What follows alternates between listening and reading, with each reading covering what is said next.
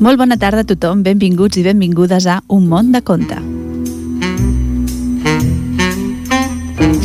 Ja estem quasi, quasi a vacances, ens queda aquest programa a la setmana vinent i, i això, el merescut descans d'aquests dies nadalenc i d'aquestes dates d'estar en família.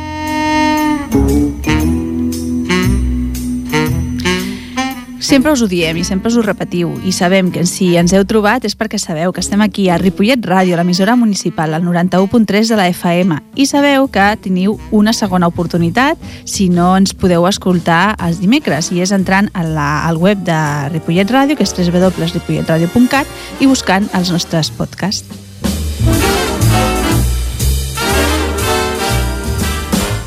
I tampoc no cal que us ho digui, però jo ho repeteixo. Al control tècnic, en Jordi Puy i a la veu jo mateixa, la Marviera.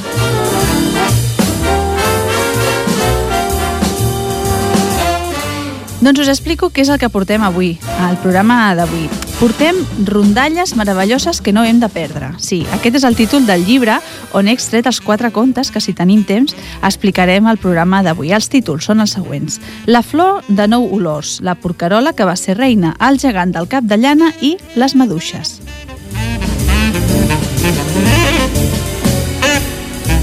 I per això de començar a fer una miqueta de caliu pel Nadal, doncs què us hem portat avui a la part musical? Doncs us hem portat ni més ni menys que hits nadalencs. I'm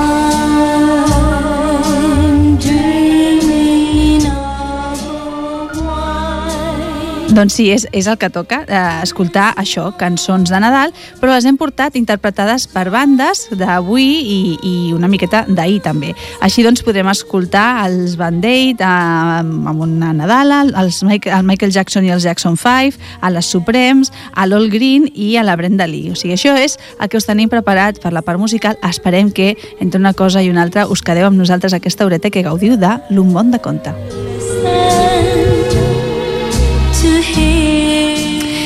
I sí, de petits ens agraden molt les històries, els contes, les rondalles, que és el que portem avui, però què passa quan ens fem grans? Hem de deixar de banda aquestes històries? Mm, no, oi que no? Jo crec que no. Doncs precisament el pròleg d'aquest llibre, que per cert he trobat a la biblioteca de Ripollet, com sempre us dic, aquest de rondalles meravelloses que no hem de perdre, de l'Anna Tortajada, doncs eh, bé, ens explica una miqueta el pròleg, doncs això, què és el que passa quan ens fem grans i si realment doncs, hem de deixar de gaudir dels contes o no, o si la veritat és que són un aliat que podem tenir al llarg dels anys. Ella diu que quan som petits ens espanten els trons i els llamps, els arbres gegants del bosc, la remor del mar i la força del vent. Ens meravella que existeixin la nit i el dia i les diferents estacions de l'any. Que d'una llavor en surti un arbre, que un cuc es transformi en papallona, que d'un nou neixi un pollet i de la panxa de la mare, doncs un germanet.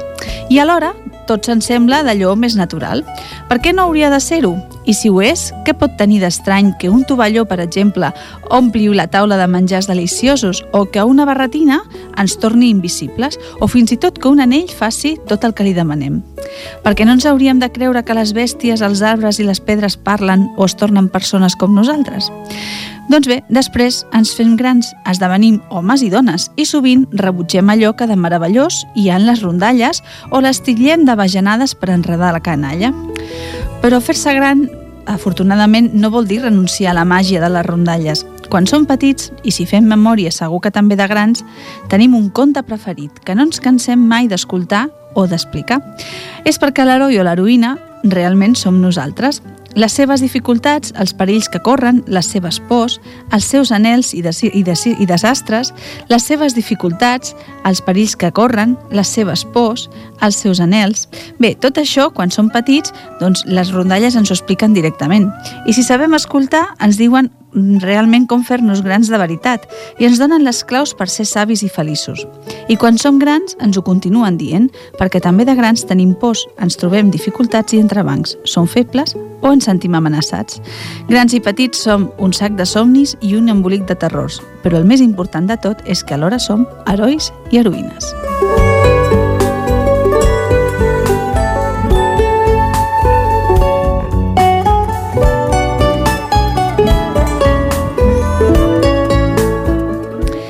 Comencem amb aquestes rondalles meravelloses que no hem de perdre. La primera, la flor de nou olors, que comença així. En el temps dels 14 vents, que set eren bons i set dolents, hi havia un rei molt poderós que tenia tres fills, i com que no sabia quin de tots tres deixar la corona, va decidir que seria per aquell que enviés més lluny una fletxa. El fill gran la va enviar tan lluny que per més que la van buscar no la van poder trobar. El fill mitjà la va engegar encara més lluny que el germà gran i tampoc no la van poder recuperar. I el fill petit la va enviar encara més lluny, però no van poder saber on havia anat a espetegar. El fill gran i el fill mitjà van dir que tant els feia, però el fill petit va voler saber, tant sí com no, on havia anat a parar la seva fletxa i va sortir de casa amb la intenció de no tornar fins que no hagués esprinat.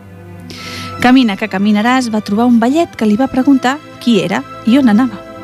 El príncep petit li ho va explicar i el vellet li va dir Camina set dies cap a llevant, que és d'on ve l'aventura, i no cap a ponent, que és d'on l'aventura fuig. Al cap de set vides trobaràs una paret de pedra viva, alta, que gairebé topa amb el sol. Enfila-t'hi i quan ja faràs set hores que t'enfiles paret amunt, trobaràs la teva fletxa clavada a la pedra.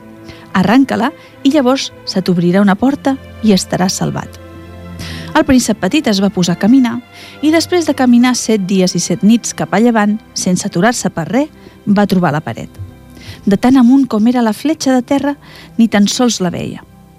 Arrapant-s'hi com un gat, es va enfilar per la paret fins que la va trobar, la va arrencar i se la va obrir allà mateix una gran portalada. Rere la porta s'estenia un camí que el va conduir a una font d'aigua daurada. Mentre el príncep la contemplava, va sortir de la font una donzella i li va dir que era la seva serventa. La seva senyora no tornaria a ser princesa fins que un jove prou agosserat i eixerit li portés la flor de nou olors. El príncep va dir que buscaria aquella flor fins que la trobés i la portaria a la princesa perquè es desencantés.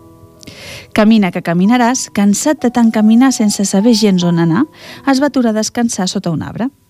De sobte, va sentir que l'arbre li deia «La flor que tu busques creix al jardí del gegant que té encantada la princesa.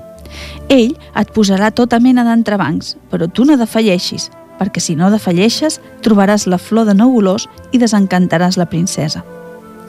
Camina cap a llevant, que és d'on ve l'aventura, i trobaràs les muntanyes blaves. Allà, cull tres pedretes i si ensopegues amb cap dificultat, sigui quina sigui, llença'n una i tot es resoldrà. El príncep petit es va posar en camí cap a les muntanyes blaves. Allà va collir tres pedretes del mateix color de les muntanyes i se les va guardar ben guardades. Va continuar endavant fins que es va trobar un jardí on hi havia ocells de tots els colors i totes les veus que cantaven amb un cant molt fi. El que més li cantava tenia les potes i el bec daurats. Quan l'ocell de les potes i el bec daurats van veure el príncep, es va posar a saltar com no saltava cap altre i va volar cap a uns arbres on no hi havia cap més ocell. El príncep va comprendre que l'ocell volia que el seguís i així ho va fer. L'ocell el va portar cap a un bosc ple de mussols i d'olives, esparvers, àguiles que es xisclaven i batien les ales com si volguessin llançar-se damunt del príncep per matar-lo. El príncep va agafar una de les pedretes blaves, la va llançar cap a tots aquells ocellots, que eren altres caminants que el gegant havia encantat, i tot seguit van callar i van plegar les ales. L'ocell de les potes i el bec daurats van, donar, van tornar a emprendre el vol d'arbre en arbre, i el príncep darrere seu, fins que van arribar plegats a la vora del mar, on l'ocell es van tornar un ullet i li va dir que era el patge de la princesa que el gegant havia encantat. Tira una altra de les pedretes blaves al mar i de seguida ens sortirà una barca que ens portarà tots dos a la terra, on trobarem la flor de nou olors. El príncep va tirar al mar una de les pedres que li quedaven i de seguida es va sortir una barca on van pujar ell i el patge de la princesa. Llavors la barca els va portar fins a una terra on creixien uns arbres que el príncep no coneixia, amb ocells i flors com no se n'ha vist a cap enlloc.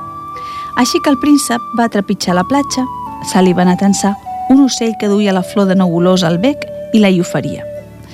El príncep la va agafar i ell i el patge van córrer a enfilar-se a la barca per navegar de tornada, abans que el gegant es posés a empaitar-los. Llavors van desfer tot el camí fet i el príncep se'n va tornar al peu d'aquell arbre que li havia explicat què havia de fer per trobar la flor de nou olors i que ara li va dir El gegant està enfurismat perquè li has pres les tres pedretes blaves, li has desencantat l'ocellet de les potes i el bec daurats i t'has endut la flor de neulós. Et busca i està disposat a empaitar-te fins que et desfaci de, es desfaci de tu. Però així que sentis que s'acosta, tu escupa a terra i apareixerà un riu molt ample rere teu que el gegant potser no podrà travessar. Però si el travessa i el tornes a sentir que s'acosta, hauràs de llançar la pedreta blava que et queda, que et convertirà en un riu de foc que el gegant segur que no podrà travessar i estarà salvat. Quan feia una bona estona que el príncep i el patxa caminaven, van sentir un terrabastall darrere seu que feia trontollar la terra. Era el gegant que s'acostava.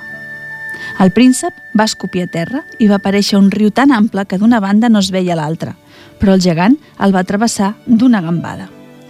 El príncep es va treure de seguida la tercera pedreta blava de la butxaca, la va tirar cap al gegant i a l'instant va aparèixer un riu de foc amb unes flames tan altes que gairebé arribaven al cel i el gegant llavors sí que es va haver d'aturar. Així que es van veure salvats, el patge va conduir el príncep fins a casa de la princesa – ell li va donar la flor de olors. Ella la va olorar i va quedar desencantada. La princesa es va voler casar amb el príncep i així va ser com aquell príncep va arribar a ser rei de tres corones. La corona del seu pare, que ell va heretar, perquè havia pogut demostrar que la seva fletxa havia anat més lluny que cap altra. La corona de la princesa, perquè l'havia desencantada. I la corona del gegant, que havia volgut nedar en aquell riu de foc i havia mort cremat. I van fer unes festes com mai se n'han vistes de semblants i se'n va parlar més de set anys.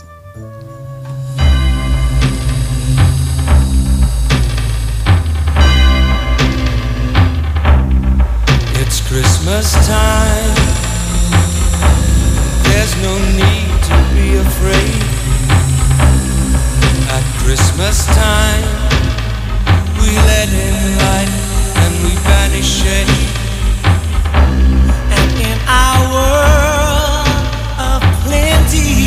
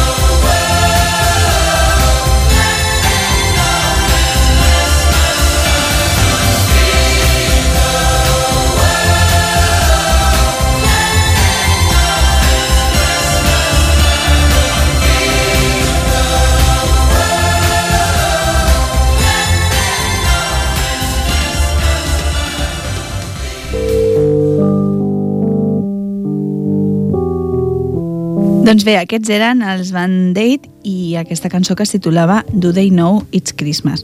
Anem a buscar la següent història, que és la que es titula La porcarola que va ser reina. Comença així. Heu de saber i entendre, i entendre i saber, que una vegada hi havia una porcarola que no volia fer res del que se suposava que havia de fer. Així com totes les porcaroles filaven mentre guardaven els porcs, ella ni filar volia. Un dia la seva mare li va dir que si no s'emportava els estris de filar no li posaria res al serró i no podria menjar. Ella sí que se'n va emportar els estris, però així que va ser al bosc els va tirar al riu. Com que no pesaven, van quedar flotant damunt de l'aigua.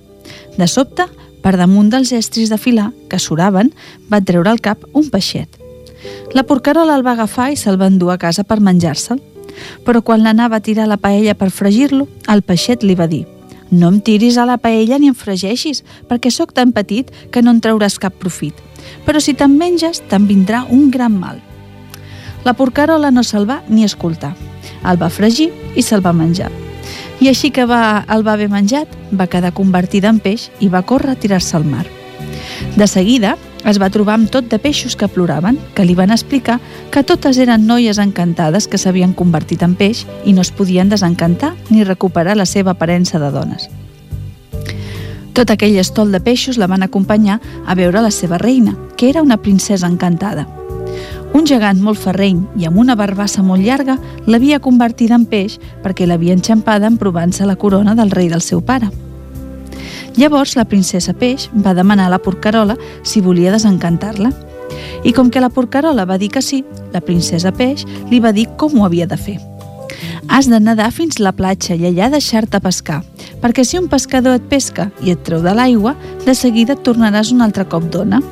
Quan hagis recuperat la teva aparença, cal que vagis a trobar el gegant que té la barbassa tan llarga. Amb els pèls de la barba del gegant hauràs de filar una corda. Quan tinguis la corda filada, has de tornar a la platja i amb la corda que hauràs filat hauràs de posar-te a pescar. Llavors, jo m'agafaré a la corda i quedaré desencantada i amb mi totes les meves criades i doncelles i altres peixos que són tots membres de la meva cort. I si fas tot això que t'he dit i em desencantes, podràs ser princesa amb mi. La princesa Peix li va donar a la porcarola un brillant de set colors que hauria d'ensenyar al gegant perquè així que li ensenyés quedaria dormit com un tronc només de mirar-lo. La porcarola va nedar fins la platja. Un pescador de canya la va pescar i la va deixar a la panereta de peix que tenia darrere seu. Així que va caure la panera, la porcarola va tornar a ser porcarola i sense que el pescador se n'adonés, se'n va anar enllà enllà a buscar aquell gegant que tenia aquella barbassa tan llarga. La porcarola va trobar el gegant i així que li va ensenyar el brillant de set colors, ell sí que va quedar ben adormit i feia uns roncs que de sentir-los totes les muntanyes tremolaven. Ja anava a tallar-li la barba quan de sobte va sentir una gran cridòria. Eren set homenets que vivien dins la barba del gegant, a qui tenia presoners entre els seus pèls des de feia molts i molts anys. D'aquells homenets, l'un era blanc, l'altre era negre, l'altre era ros, l'altre era quec, l'altre era borni, l'altre era manco i l'altre era coix. Talla que talla aquella barbassa, la porcarola es va anar alliberant un rere l'altre. Així que aquells humanets es van veure desempallegats de la barbassa del gegant, tot era saltar i ballar.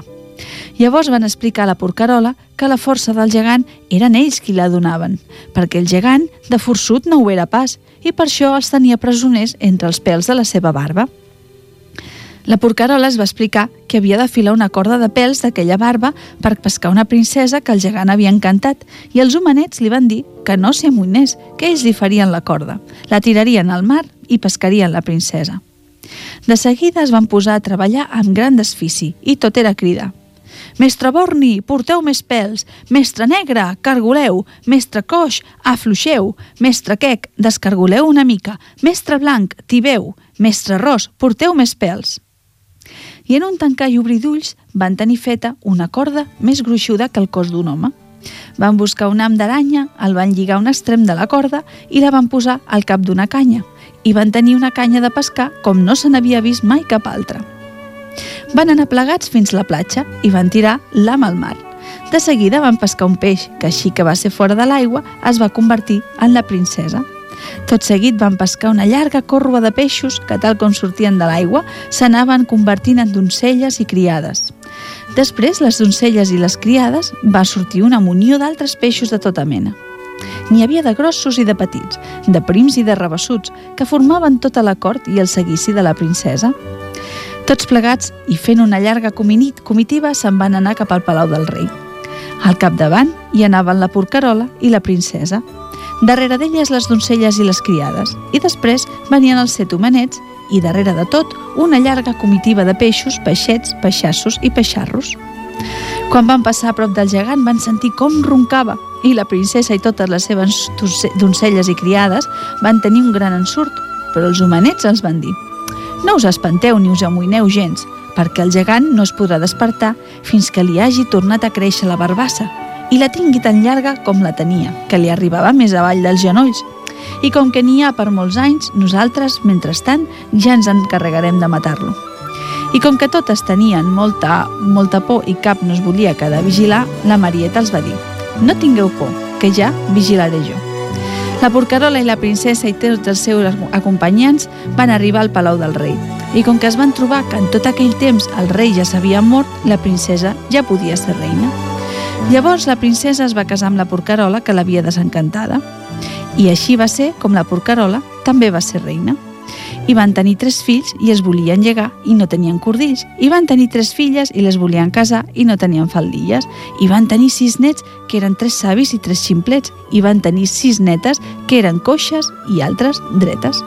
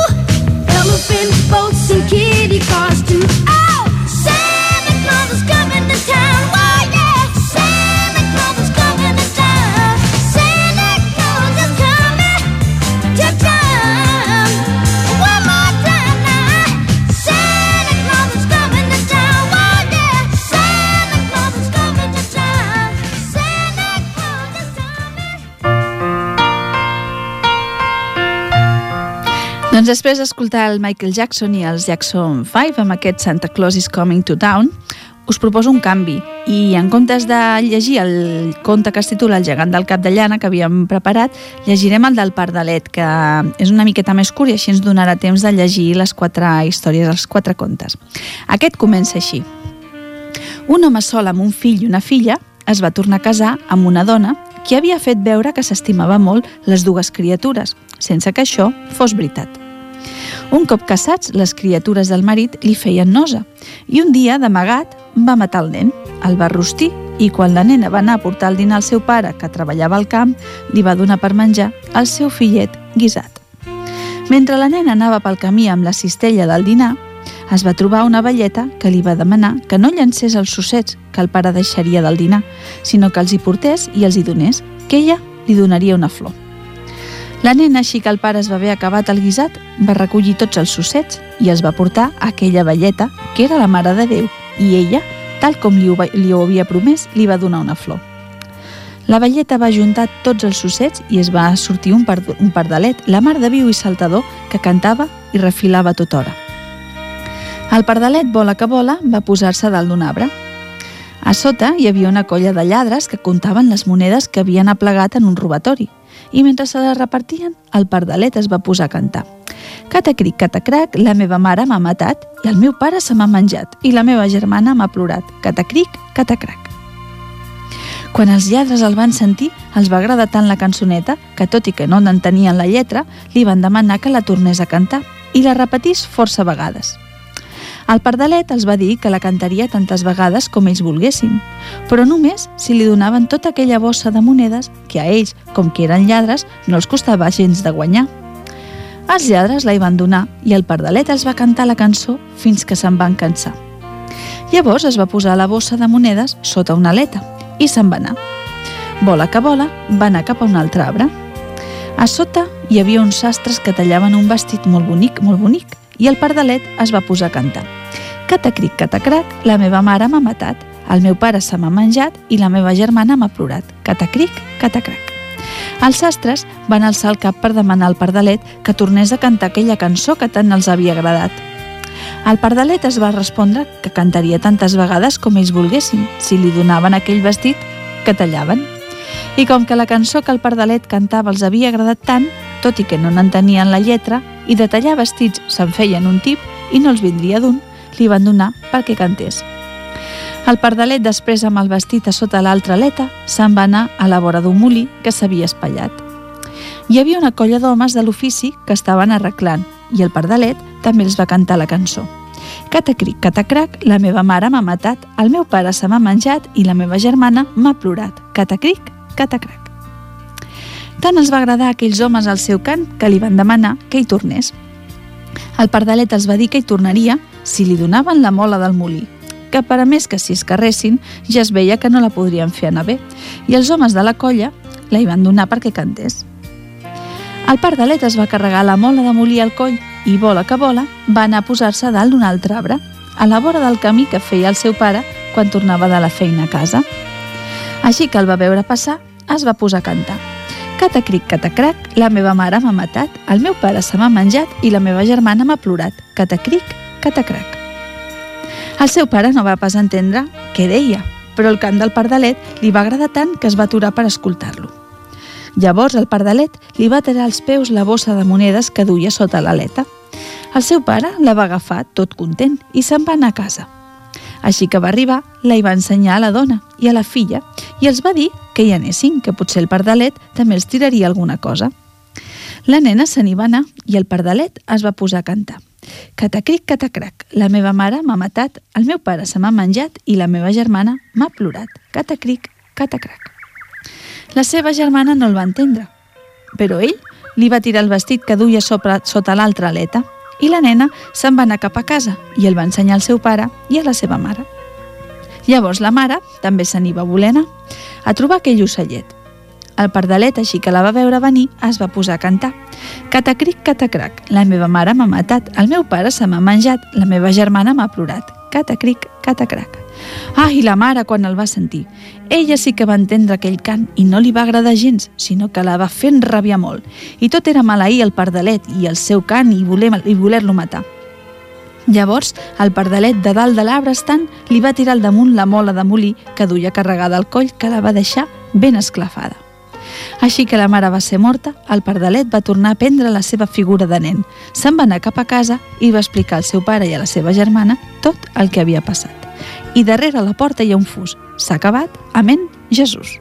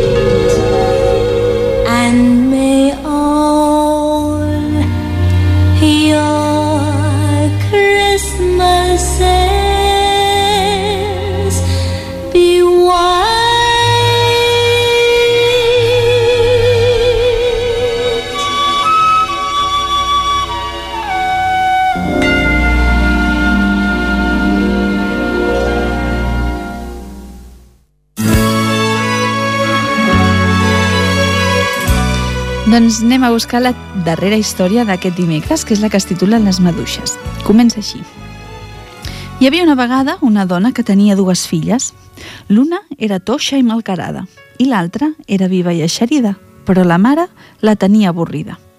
Un any poc abans de Nadal va cridar la filla eixerida i li va donar un cistellet tot dient-li «Ja saps com li agraden les maduixes al teu pare i té moltes ganes de menjar-ne el dia de Nadal. Ves a collir-ne i no tornis fins que en tinguis el cistell ben ple. I on les trobaré, les maduixes, pel meu pare, si no es fan fins al maig i encara som al desembre? No ets tan llesta, tu, i tan viva, que de tot te'n saps sortir? Au, ves, i no tornis si no en portes el cistell ben ple. Prou va entendre la noia que la mare la feia fora de casa i tota trista se'n va anar cap al bosc. Va caminar fins que s'hi li va fer fosc i ja es pensava que hauria de passar la nit al ras i que els llops i les feres se la menjarien, quan va veure allà lluny lluny una llumeta que devia ser d'alguna casa. Seria mala sort que la gent d'aquella casa no volguessin donar-li aixopluc. Camina que caminaràs, per més que caminava no hi arribava. I quan hi va ser, ja era més de mitjanit. La porta era tancada i barrada i tothom devia dormir. Tot i així, hi va trucar perquè confiava que l'acollirien. Qui hi ha? Va sentir de seguida una veueta prima prima. Qui hi ha? va sentir que repetia una veu una mica més greu. Fins a dotze vegades es va repetir la pregunta i cada veu era més forta i gruixuda que l'altra. Ella va respondre que era una noieta que s'havia perdut. No podia tornar a casa i demanava aixopluc per aquella nit. Llavors la veu més forta que totes va dir «Tu, gener, lleva't, obre la porta a la noieta i deixa-la entrar. Si no has sopat, que sopi. I si t'ha fred, que s'escalfi. I si té son, doncs que dormi. La porta es va obrir i la noia es va trobar davant un homenet petit, petit, amb unes barbes que li arribaven al malic. L'homenet li va explicar que aquella era la casa dels 12 mesos. El gener era el més petit de tots. El febrer ja era una mica més grandet i així tots fins al desembre, el més vell i venerable que era el cap de la casa. De tots els mesos es van llevar i li van preguntar on anava amb aquell cistellet. Ell els ho va explicar. I llavors, al desembre va dir «Tu, maig, vés i fes la teva comesa». I el maig va obrir la porta i va sortir fora. Va allargar la mà per damunt d'un camp cobert de neu i a l'instant la neu es va fondre i va embrutar de la terra tot de maduixeres carregades de maduixes petitones que feien una olor d'allò més dolça. I el desembre va dir Ara soparàs i després cull tantes maduixes com calgui per omplir el cistellet i així podràs tornar a casa. Llavors tots els mesos es van posar a preparar-li el sopar. Els mesos d'estiu li van servir les fruites més saboroses i els mesos d'hivern tota mena d'ocells i caça. Quan la noia ja se n'anava amb el cistell ple de maduixes, al desembre encara va dir als seus companys que no se'n vagi sense que li doneu tots alguna de les vostres gràcies. Els mesos de primavera li van donar la bellesa de les flors i els mesos d'estiu la seva claror. Els mesos de tardor li van donar el seu seny i els de l'hivern la serenor. Quan ja sortia per la porta, al desembre va cridar el juny i li va dir «Tu, juny, vés i fes la teva comesa». I el juny va sortir fora, va allargar la mà i a l'instant va sortir el sol. I tot i ser de nit, hi va fer un bon temps d'estiu fins que la noieta va arribar a casa seva. La seva mare, quan la va veure amb el cistell ple de maduixes, no podia entendre com s'ho havia fet. I quan la va veure encara més eixerida i preciosa que abans, tot era voler saber com s'ho havia fet. Ella li va explicar amb tots els ets i uts, i la mare que sí, que de seguida va enviar l'altra filla a collir maduixes. La noia aviat va arribar a casa dels 12 mesos perquè ja sabia el camí. Va trucar a la porta, ens va explicar què volia i al maig, així que al desembre li ho va dir, va tornar a allargar, a allargar el braç. Però en lloc de les maduixes petites i saboroses, les maduixeres van donar maduixots grossos més àcids que dolços. I quan la noia ja se n'anava amb el cistell ple de maduixots, al desembre encara va dir als seus companys que no se'n vagi sense que cada un n'hi feu alguna de les vostres i els mesos, obedients, li van fer una rauxeria que la van tornar del tot llunàtica, rampelluda i més beneita del que ja era. I la pobra noia va arribar a casa fent mil i una ximpleries i més insuportable del que ja era. I el conte s'ha acabat catacric catacrac i sense ales ha volat.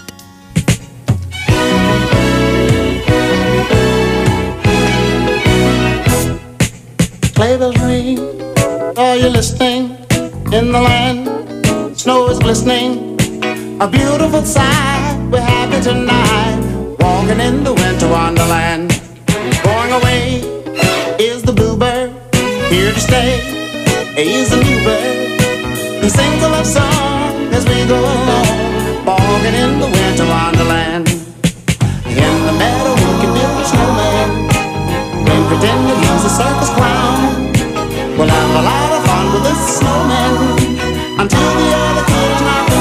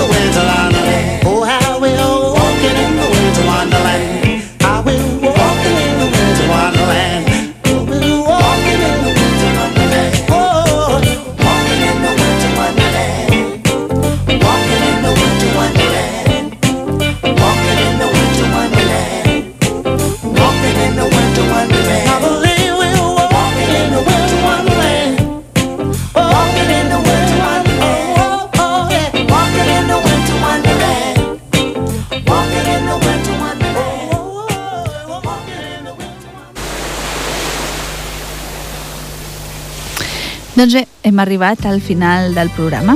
Ja se'ns han acabat les històries i gairebé se'ns ha acabat el temps. Us deixem, doncs, amb una darrera Nadal, amb un darrere hit de Nadal i esperem, doncs, que ens tornem a trobar el proper dimecres. Que descanseu i que passeu un bon final de setmana. Una abraçada.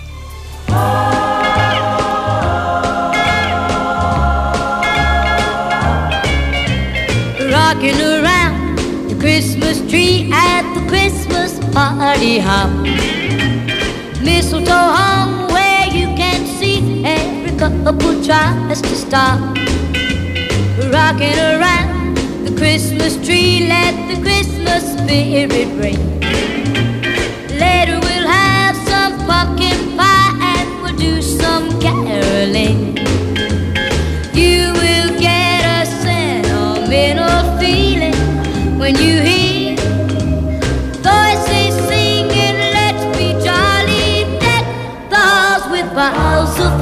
everybody rocking around the Christmas tree. Have a happy holiday.